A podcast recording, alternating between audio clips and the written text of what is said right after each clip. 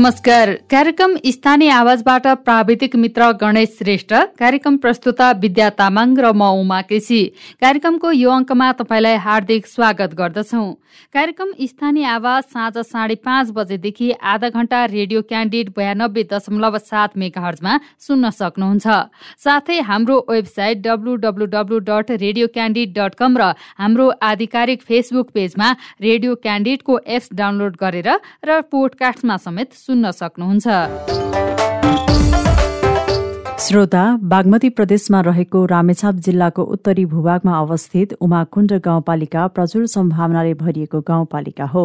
यो गाउँपालिका भौगोलिक हिसाबले रामेछाप जिल्लाकै सबैभन्दा ठूलो गाउँपालिका पनि हो जम्मा सातवटा ओडा रहेको यो गाउँपालिकाको कुल जनसङ्ख्या सत्र हजार छ सय एक रहेको छ। यो गाउँपालिका चार सय एकाउन्न दशमलव नौ नौ वर्ग किलोमिटर क्षेत्रफलमा फैलिएको छ भने उमाकुण्ड गाउँपालिकाको केन्द्र हाल ओडा नम्बर चार पृथ्वीको च्यादुलमा रहेको छ। उमाकुण्ड गाउँपालिकाको पूर्वमा सोलुखुम्बु र ओखलढुङ्गा जिल्ला पश्चिममा रामेछाप जिल्लाको गोकुलगंगा गाउँपालिका उत्तरमा सोलुखुम्बु र दोलखा जिल्ला र दक्षिणमा ओखलढुङ्गा र रामेछाप जिल्लाको लिखु तामाकोशी गाउँपालिका पर्दछन्। भौगोलिक विकटताको कारण यो गाउँपालिकाको समृद्धिमा निकै ठूलो चुनौती देखिन्छ। विकास निर्माणको क्षेत्रमा निकै पछाडि परेको यो गाउँपालिका स्थानीय सरकार आएसँगै विकास निर्माणले गति लिन थालेको छ।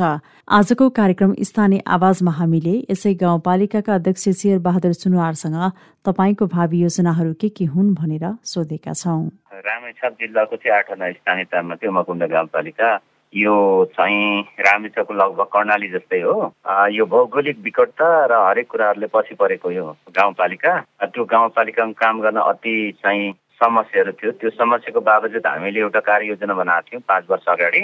विशेषतः पूर्वधारलाई प्राथमिकता दिएर अन्य कुरालाई चाहिँ मिलाएर लाने भन्ने हिसाबले विशेष त्यहाँ चाहिँ बाटोघाटो पनि नपुगेको अवस्था गाउँपालिकामा त्यसपछि विद्युत लगायत विद्यालयहरूमा पनि अब अस्तव्यस्त भएको अवस्थामा हामीले कार्ययोजना बनाएर अब हामीले काम गर्दै गर्दाखेरि अब बाटोघाटोहरू लगभग सातैवटामा हामीले चाहिँ हिउँदो वर्षा चढ्ने गरी चाहिँ बनायौँ।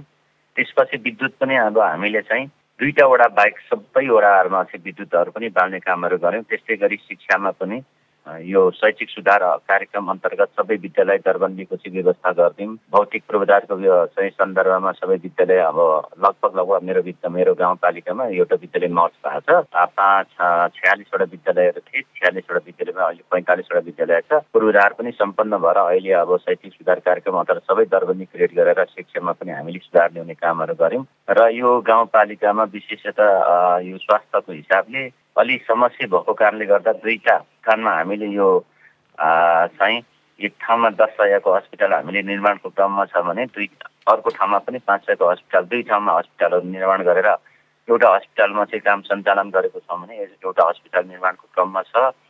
अब यस्तै गरी अन्य न्यायिक क्षेत्र लगायत सबै क्षेत्रमा हामीले पाँच वर्षमा चाहिँ हामीले अपेक्षित कामहरू पुरै गर्न नसके पनि धेरै कामहरू गरेको कुराहरू पहिला विगत वर्ष विगत निर् चाहिँ निर्वाचन निर्वाचित भइसकेपछि यो कामहरू पुरा गऱ्यौँ र अहिले यो वर्ष चाहिँ मन निर्वाचित भइसकेपछि हामीले यो पाँच वर्षको कार्ययोजना पनि बनाएको छ र वार्षिक हिसाबले पनि हामीले कार्ययोजना बनाएको छ। त्यो कार्ययोजना अन्तर्गत हामीले चाहिँ काम गरेको जानकारी म दिन चाहन्छु। अहिले चाहिँ बाँकी काममा तपाईँहरूले केलाई चाहिँ प्राथमिकता दिएर अगाडि बढिरहनु भएको छ? अब लगभग लगभग पूर्वाधारको विषयमा हामीले चाहिँ अधिकांश कामहरू यो बाटोघाटो पुल पुलासो यो विद्यालय बनाउने सन्दर्भमा लिएर अन्य सबै कामहरू हामीले लगभग लगभग हामीले पिच नगरे पनि बाटोहरू धुले बाटोहरू ढुङ्गा मतलब गिटी सोरिङ हालेर पनि हामीले सञ्चालन गरेको छौँ भने अब विशेष हामीले अहिले फोकस हाम्रो चाहिँ गाउँपालिकाले मैले चाहिँ अब यो अर्थसँग जोडेर विशेषतः यो हामीले पूर्वाधारका विकास निर्माणका कुराहरू गरेर मात्रै पुग्दैन अब यहाँको जनतालाई बढीभन्दा बढी आर्थिकसँग जोडेर काम गर्नुपर्छ भनेर हामीले विशेष कृषिलाई बढी फोकस दिएर चाहिँ हामीले काम गरेको चाहिँ हामी छौँ अहिले। कृषिमा चाहिँ के के गर्दै हुनुहुन्छ त्यो पनि भनिदिनुहोस् न।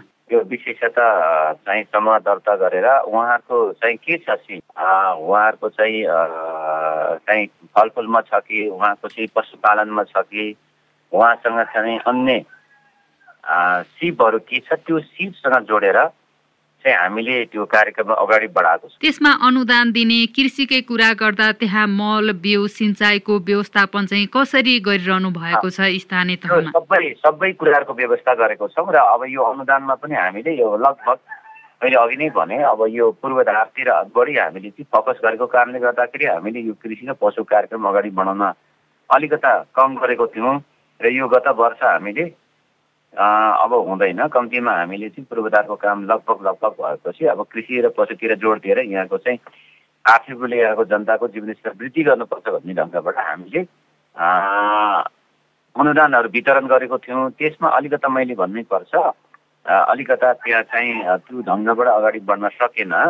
अब अहिलेको वर्ष चाहिँ मैले सबै कर्मचारी लगायत सबै निर्वाचित जनप्रतिनिधि पार्टीलाई पनि के भनेको छु भने अब गर्नेले गर्नलाई हामीले प्रोत्साहन गर्नुपर्छ नगर्नेलाई हामी दण्डित गर्नुपर्छ।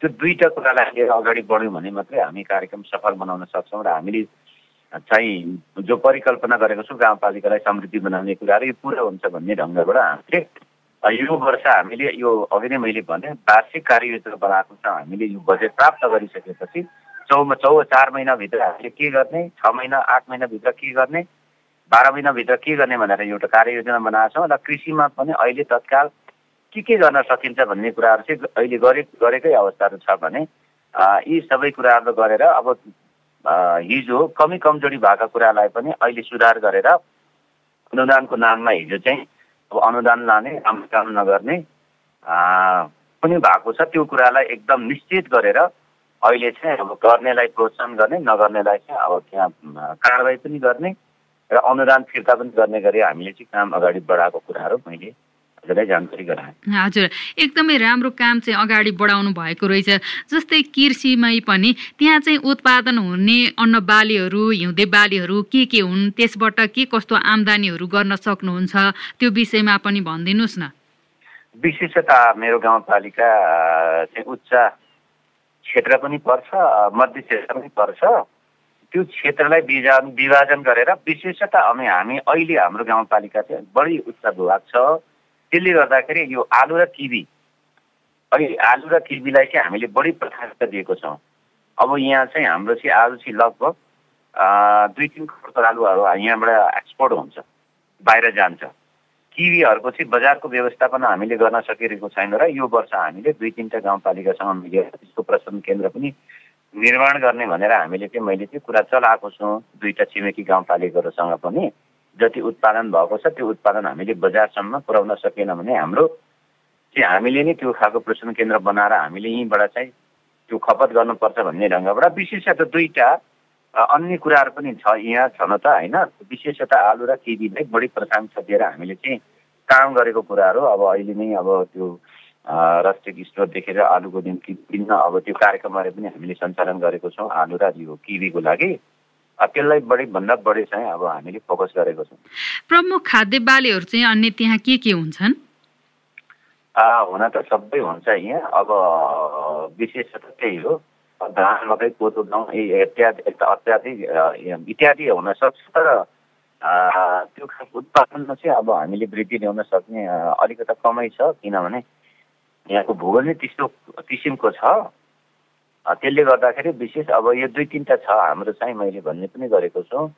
विशेष हाम्रो गाउँपालिका चाहिँ अब यो हाइड्रो प्रोजेक्टहरू जस्तै सातवटा हाइड्रो प्रोजेक्टहरू छ।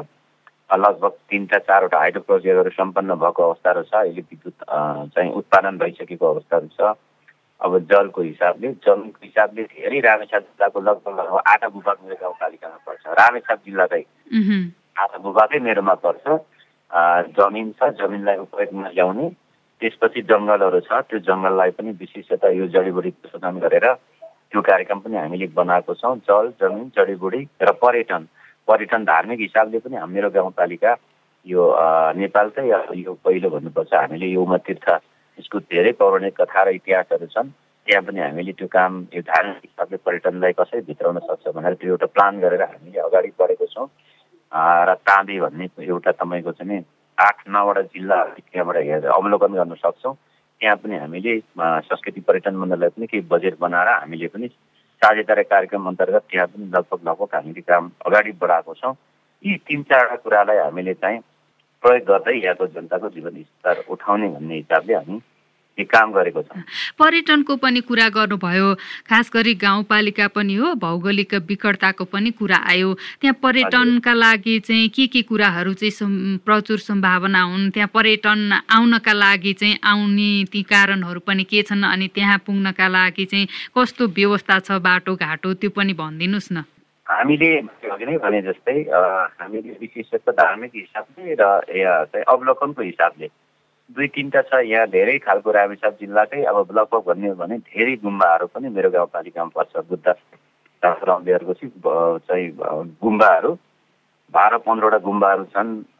त्यसपछि गएर यहाँ धार्मिक हिसाबले अघि नै मैले भने उमा तीर्थ छ उमा तीर्थ छ उमा तीर्थ मन्दिर छ। त्यसपछि अवलोकनको हिसाबले धेरै जिल्लाहरू ताँबे भन्ने ठाउँबाट चाहिँ धेरै दृश्यहरू अवलोकन गर्न सकिन्छ। बाटोघाटोको सन्दर्भमा चाहिँ अहिले हामीले चाहिँ यो मेरो चाहिँ अन्य गाउँपालिका न छिमेकी गाउँपालिका बुकुलगङ्गा गाउँपालिका हुँदै उमाकुण्ड गाउँपालिका आउने क्रम मतलब बाटो त्यही बाटो पर्छ सडक बाटो। अहिले चाहिँ हामीले चाहिँ केही बाटोहरू केही पर्यटनलाई टार्गेट गरेर लक्ष्य गरेर हामीले चाहिँ यहाँ पिच पनि अगाडि बढाएको छ हामीले लगभग लगभग आठ दस किलोमिटर। यो अहिले केही समयपछि त्यो सम्पन्न हुँदैछ। र अन्य क्षेत्र त्यो सडकभन्दा पनि अब कम्तीमा पनि हामीले मेरा मेरो गाउँपालिकामा पर्यटनलाई चाहिँ खालि त्यो अवलोकन गर्ने आउने फर्किने भन्नुभन्दा पनि कम्तीमा पनि एक हप्ता बस्ने गरी त्यो खालको एउटा त्यो ट्रेकिङ रुटहरू। त्यो ट्रेकिङ रुटहरू पनि हामीले अब अहिले बनाउँदैछौँ। जस्तै एउटा ओडामा अर्को ओडामा जाँदाखेरि अर्कोमा जोड्दाखेरि के के त्यहाँ चाहिँ पर्यटनलाई त्यहाँ चाहिँ आकर्षित गर्न सकिन्छ भन्ने हिसाबले पनि होमस्टे लगायत अन्य कामहरू पनि हामीले गरेको छौँ। त्यसले गर्दाखेरि कम्तीमा पनि गाउँपालिकामा बाह्य आन्तरिक पर्यटक आइ आउनु भएपछि कम्तीमा छ सात दिन चाहिँ त्यहीँ बस्नुभयो भने त्यहाँको अर्थतन्त्र हरेक कुराहरू चाहिँ लाई टेवा पुग्छ भन्ने हिसाबले पनि हामी त्यो खालको योजना बनाएर अगाडि बढेको कुराहरू मैले हजुरलाई जानकारी गराएँ। हजुर। त्यहाँ खानेपानीको व्यवस्थापन चाहिँ कस्तो छ अध्यक्षज्यू? कसरी गरिरहनु भएको छ र योजनाहरू थप के के गर्नु भएको छ के के समेट्नु भएको छ? खानेपानी त लगभग एक घर एक खानेपानी भनेर हामीले विगतदेखि सञ्चालन गर्दैछौँ। अब लगभग मेरो गाउँपालिकामा दस पर्सेन्ट मात्रै गर्दा प्रत्येक घरमा चाहिँ खानेपानी पुग्ने। त्यही पनि पाँच सात मिनटभन्दा त्यहाँ जोर जानु पर्दैन। एक घर एक धारा कार्यक्रम अन्तर्गत धेरै चाहिँ मेरो गाउँपालिकामा लगभग लगभग सबै ठाउँ अब पुगेको अवस्थाहरू छ खानेपानीको सन्दर्भमा। हामीले रेगुलर खानेपानी एक घर एक धारा कार्यक्रम अन्तर्गत काम सम्पन्न गरेको छ चाहिँ। अघि हामीले कृषिको पनि कुरा गऱ्यौँ उत्पादन र आर्थिक क्षेत्रसँग जोड्ने कुराहरू पनि तपाईँले गर्नुभयो। स्थानीय स्तरका युवाहरूलाई चाहिँ गाउँ केन्द्रित बनाउनका लागि तपाईँको योजनामा समेटिएका कुनै कुराहरू पनि छन् होला नि? छन् एकदम छन्। अब हामीले विशेष त युवाहरूलाई आफ्नै गाउँमा यही गाउँपालिकामा बस्नको निम्ति हामीले विशेष त मैले भने विगत वर्ष हामीले चाहिँ विगतको निर्वाचित निर्वाचित भइसकेपछि हामी अलिकता अलमलमा थियौँ र पुनर्निर्माणदेखि लिएर हामीले चाहिँ कोभिडले पनि अलिकता त्यो खालको कार्यक्रम गर्न सकिरहेको अवस्थाहरू थिएन। कर्मचारी लगायत धेरै खालको समस्याहरू थियो। हामीले बस्ने पूर्वाधारका कामहरू थियो। हामी बसेर काम गर्ने ठाउँ पनि थिएन। त्यो सबै सबै गर्दाखेरि यी सबै कुरालाई अलिकता व्यवस्थित गरेर लान सकेको अवस्थाहरू पनि थिएन। यो वर्ष चाहिँ युवाहरूलाई पनि हामीले बजेटहरू यहाँ राखेका छौँ। कम्तीमा पनि उहाँहरूको युवाहरूको पनि आफ्नो खालको सिप कसैको कसैले चाहिँ चाहिँ एजुकेसन छ शिक्षा छ कसैको सिप छ कुनै कुनै विषयमा सिप छ त्यो सिप मैले अघि नै समग्रतामा मैले अघि नै जानकारी गराइसकेँ हजुरलाई। ती सबै कुरालाई समेटेर थोर बहुत रोजगारको व्यवस्था सिर्जना गर्ने भन्ने विशेषतः हाम्रो गाउँपालिकामा आएको बजेट चाहे यहाँ चाहिँ आन्तरिक स्रोत होस् चाहे चाहिँ सङ्घबाट प्राप्त भएको या प्रदेशबाट प्राप्त भएको वित्तीय समीकरण अनुदानहरू होस् ती अनुदानलाई पनि गाउँपालिकामै नै गाउँपालिका युवाहरूलाई विशेष त रोजगारको माध्यमबाट उनीहरूलाई यहीँ बस्ने गरी चाहिँ हामीले चाहिँ चाहे सडक बनाउने कुराहरू होस् चाहे अन्य कुराहरू होस् तीसँग जोडेर चाहिँ हामीले यो प्रधानमन्त्री स्वरोजगार कार्यक्रम होस् ती सबैसँग जोडेर हामीले चाहिँ काम गर्दैछौँ र अब अब झन् त्यसलाई प्रभावकारी हिसाबले काम गर्ने गरी कार्ययोजना बनाएको छ। स्थानीय तहमा त्यो लक्षित वर्गहरूको सामाजिक सुरक्षा भत्ता वितरणको प्रक्रिया चाहिँ कस्तो छ? घर घरमै दिने बैङ्कबाट वितरण गर्ने त्यस विषयमा भनिदिनुहोस् न। हजुर हजुर त्यो अब पक्कै पनि त्यो अत्यन्तै समस्या त्यो मैले हजुरलाई सुरुमै निवेदन गरेँ अति भौगोलिक हिसाबले विकट भएको रामेसाप जिल्लाको चाहिँ लगभग आधा भूभाग भएको ठाउँ गाउँपालिका अत्यन्तै समस्या भएको हुनाले मैले अब यो आउँदो निर्वाचन निर्वाचित हुनुभन्दा अगाडि पनि मैले चुनावी मैदानमा त्यही कुराहरू बोलेका थिएँ दुई तिनवटा कुराहरू बोलेका थिएँ सक्ने कुराहरू। अब एम्बुलेन्स स्वास्थ्यको क्षेत्रमा एम्बुलेन्सहरू अब त्यहाँ चाहिँ व्यवस्थित नभएको अवस्थामा एम्बुलेन्सलाई व्यवस्था गर्ने र यो विशेष क्षेत्र सामाजिक सुरक्षा अन्तर्गतको चाहिँ भत्ताको विषयमा ब्याङ्क धारा जान समस्या भएको बुढाबुढीले पाउने बुढाबुढी अब हिँड्न नसक्ने त्यो समस्या भएको कारणले गर्दाखेरि मैले घरमा पुऱ्याउन सकिनँ भने पनि चाहिँ टोल टोलमा पुऱ्याउने भन्ने हिसाबले हामीले काम त्यो सुरु गरिसक्यौँ हामीले टोल टोलमा पुऱ्याउने कामहरू गरिसकेका छौँ अहिले ब्याङ्कसँग समन्वय गरेर। र एम्बुलेन्सको विषयमा पनि स्वास्थ्यको सन्दर्भमा पनि यो दीर्घ रोगीहरूलाई औषधि वितरण गर्ने अब हामीले प्रत्येक मेरो गाउँपालिकामा जति रोगीहरू हुनुहुन्छ मासिक रूपले वार्षिक रूपले औषधि खाने गरेर हामीले चाहिँ कम्तीमा घर घर औषधि पुऱ्याइदिने काम पनि हामीले अब अहिले लिस्टिङ भइरहेको छ। त्यो घर घरमै औषधि हामी पुऱ्याइदिन्छौँ। र एम्बुलेन्सको व्यवस्था पनि प्रत्येक वडामा एम्बुलेन्सको व्यवस्था पनि हामी दुईवटा एम्बुलेन्स खरिद गर्दैछौँ। हामीसँग तिन चारवटा एम्बुलेन्सहरू छन्। त्यही एम्बुलेन्स खरिद गरेर कम्तीमा पनि हामीले समयमै बिरामीहरूलाई चाहिँ सम्बन्धित ठाउँमा पुऱ्याएर उपचार गर्ने काम पनि हामीले अब सुरुवात गरेको छौँ। त्यहाँ आम्दानीका स्रोतहरू चाहिँ के के हुन् अध्यक्षज्यू? अहिले आम्दानीको स्रोतहरू त खास त्यस्तो छैन। हामीसँग त्यहाँ हाइड्रो प्रोजेक्टहरू छ। लगभग अब यो सातवटा हाइड्रो प्रोजेक्ट छ। त्यो हाइड्रो प्रोजेक्ट बनिसकेपछि मैले भन्ने पनि गरेको छु। अब लगभग बिस पच्चिस करोड हामीले वित्तीय समेटन अनुदान बाह्र पन्ध्र करोड हामी पाउँछौँ भने अब यो वित्त हामीले चाहिँ हाइड्रो प्रोजेक्टबाट हाम्रो रोयल्टी चाहिँ बिस करोडभन्दा माथि प्राप्त गर्दैछौँ। अब दुई वर्षपछि। अहिले नै केही बजेटहरू चाहिँ केही स्रोतहरू आउँदैछ भने यो वर्ष अब वर्षबाट चाहिँ लगभग हामीले चाहिँ बिस पच्चिस करोड चाहिँ आन्तरिक स्रोतहरू हामीले प्राप्त गर्दैछौँ। त्यो स्रोतलाई अघि नै मैले भने यहाँको युवा लगायत अर्थसँग जोडेर कम्तीमा पनि यहाँको चाहिँ जनताको जीवनस्तर वृद्धि गर्ने गरी मैले एउटा योजना बनाएको छु त्यही ढङ्गबाट अगाडि केही ठाउँमा विद्युतीकरण बाँकी छन् भन्नुभयो त्यो कहिलेसम्म पुरा गर्ने लक्ष्य लिनु भएको छ? कुन कुन ठाउँ ठाउँहरू हुँदैछ। आज भोलि नै हुँदैछ। मैले दसैँभन्दा अगाडि चाहिँ कम्तीमा पनि अब त्यहाँ सबै ओडाभित्र बाल्न सकभति विद्युत चाहिँ बाल्न सकिन भने पनि अब हतार हतारमा अब कम्तीमा चाहिँ दुई सय तिन सय घरहरू चाहिँ प्रत्येक वडामा अब यो दसैँभन्दा अगाडि सबै वडामा बल्छ अब पाँचवटा वडामा त बलिसकेको छ अब यो दुईवटा वडामा घुमदेल भन्ने एउटा वडा छ एकदम विकट छ। मेरो गाउँपालिकाको लगभग गाउँपालिकाभन्दा पनि डबल छ त्यो। त्यो वडा पनि बल्दैछ। अहिले लगायत जडान गर्ने कामहरू भएको छ र गुप्तेश्वर भन्ने एउटा वडा छ। त्यो वडामा अहिले चाहिँ ट्रान्समिटरहरू लगेर राखेर चाहिँ बत्ती बाल्दै हुनुहुन्छ उहाँले। सबै वडामा बत्ती बल्छ। पक्कै पनि दसैँमा आउँदाखेरि चाहिँ जस उज्यालोमा दसैँ मनाउन पाउनुहुने भयो। यसै क्रममा अब दसैँ आइसक्यो। तपाईँहरूको चाहिँ बाटोघाटोको व्यवस्थापन चाहिँ कसरी गर्नु भएको छ? बाढीले भत्काएका छन् कि छैनन् होइन? पानी परिराखेको छ कि छैन? त्यहाँ त ग्राभेल बाटोहरू नै छन् भन्नुभयो। कच्ची बाटोहरू नै छन् भन्नुभयो। त्यसको लागि तयारी चाहिँ के छ? शान्ति सुरक्षाको व्यवस्था कसरी मिलाउँदै हुनुहुन्छ?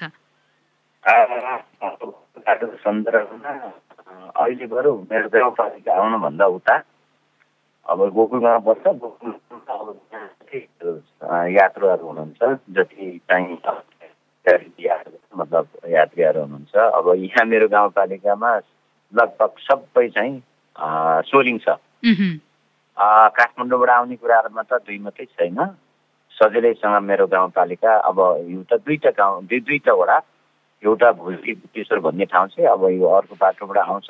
सहजै ढङ्गबाट अब एउटा वडामा आउँदैन थियो। त्यो पनि मैले निर्देशन दिइसकेको छ। यो अलिकता चाहिँ एक दुई घन्टा काम गरेपछि त्यहाँ पनि आइपुग्छ बाटो। त्यहाँ आइरहेको छ भने दुईवटा वडामा पनि अहिले रेगुलर बसै आउँछ। र दुईवटा वडा एउटा घुमदिलमा चाहिँ अब अलिकता त्यहाँको चाहिँ भूगोलको कारणले गर्दा समस्या भएको कारणले गर्दाखेरि किन्जा भन्ने बोर्डरमा चाहिँ आइपुग्छ बस। अब त्यसलाई पनि अब होइन सानो ठुलो बस हामी लान सकिन्छ अब यो सुमोहरूको व्यवस्था गरेर यो दसैँभन्दा अगाडि चाहिँ अब सबै वडामा चाहिँ सहज ढङ्गबाट पुग्ने गरी मैले निर्देशन पनि दिइसकेको छु। मेरो बोर्ड बैठक बसेर कार्यपालिका बैठक या बोर्ड बैठक बसेर पनि सबै अब चाहिँ निर्वाचित जनप्रतिनिधि जानकारी गराएर कर्मचारी साथीहरूलाई पनि भनिसकेका छौँ। यथाशीघ्र अब अझै पनि वर्षा भइरहेको अवस्थाहरू छ मेरो गाउँपालिकामा। वर्षा भए तापनि हामीले काम सुरु गरेर कम्तीमा पनि अब अहिलेदेखि नै मान्छेहरू आउने गर्नुहुन्छ। त्यहाँ काहीँ कतै काहीँ यस्तो भयो त्यस्तो भन्ने कुराहरू नराखिकन चाहिँ समय पनि यो घर अब प्रत्येक वडामा पनि प्रत्येक वडामा पनि प्रत्येक टोल टोलमा बाटोहरू पुगेको छ। त्यो टोल टोलमा बाटो चाहिँ कति सम्भव छ? टोलमा बाटो नभए पनि आफ्नो वडामै कम्तीमा पुगिसकेपछि आफ्नो वडाबाट आधा घन्टा दस मिनट बिस मिनटमा पुग्ने गरी काम हामीले सुरुवात गरि पनि सकेका छौँ। अब कुनै वडामा बाँकी छ।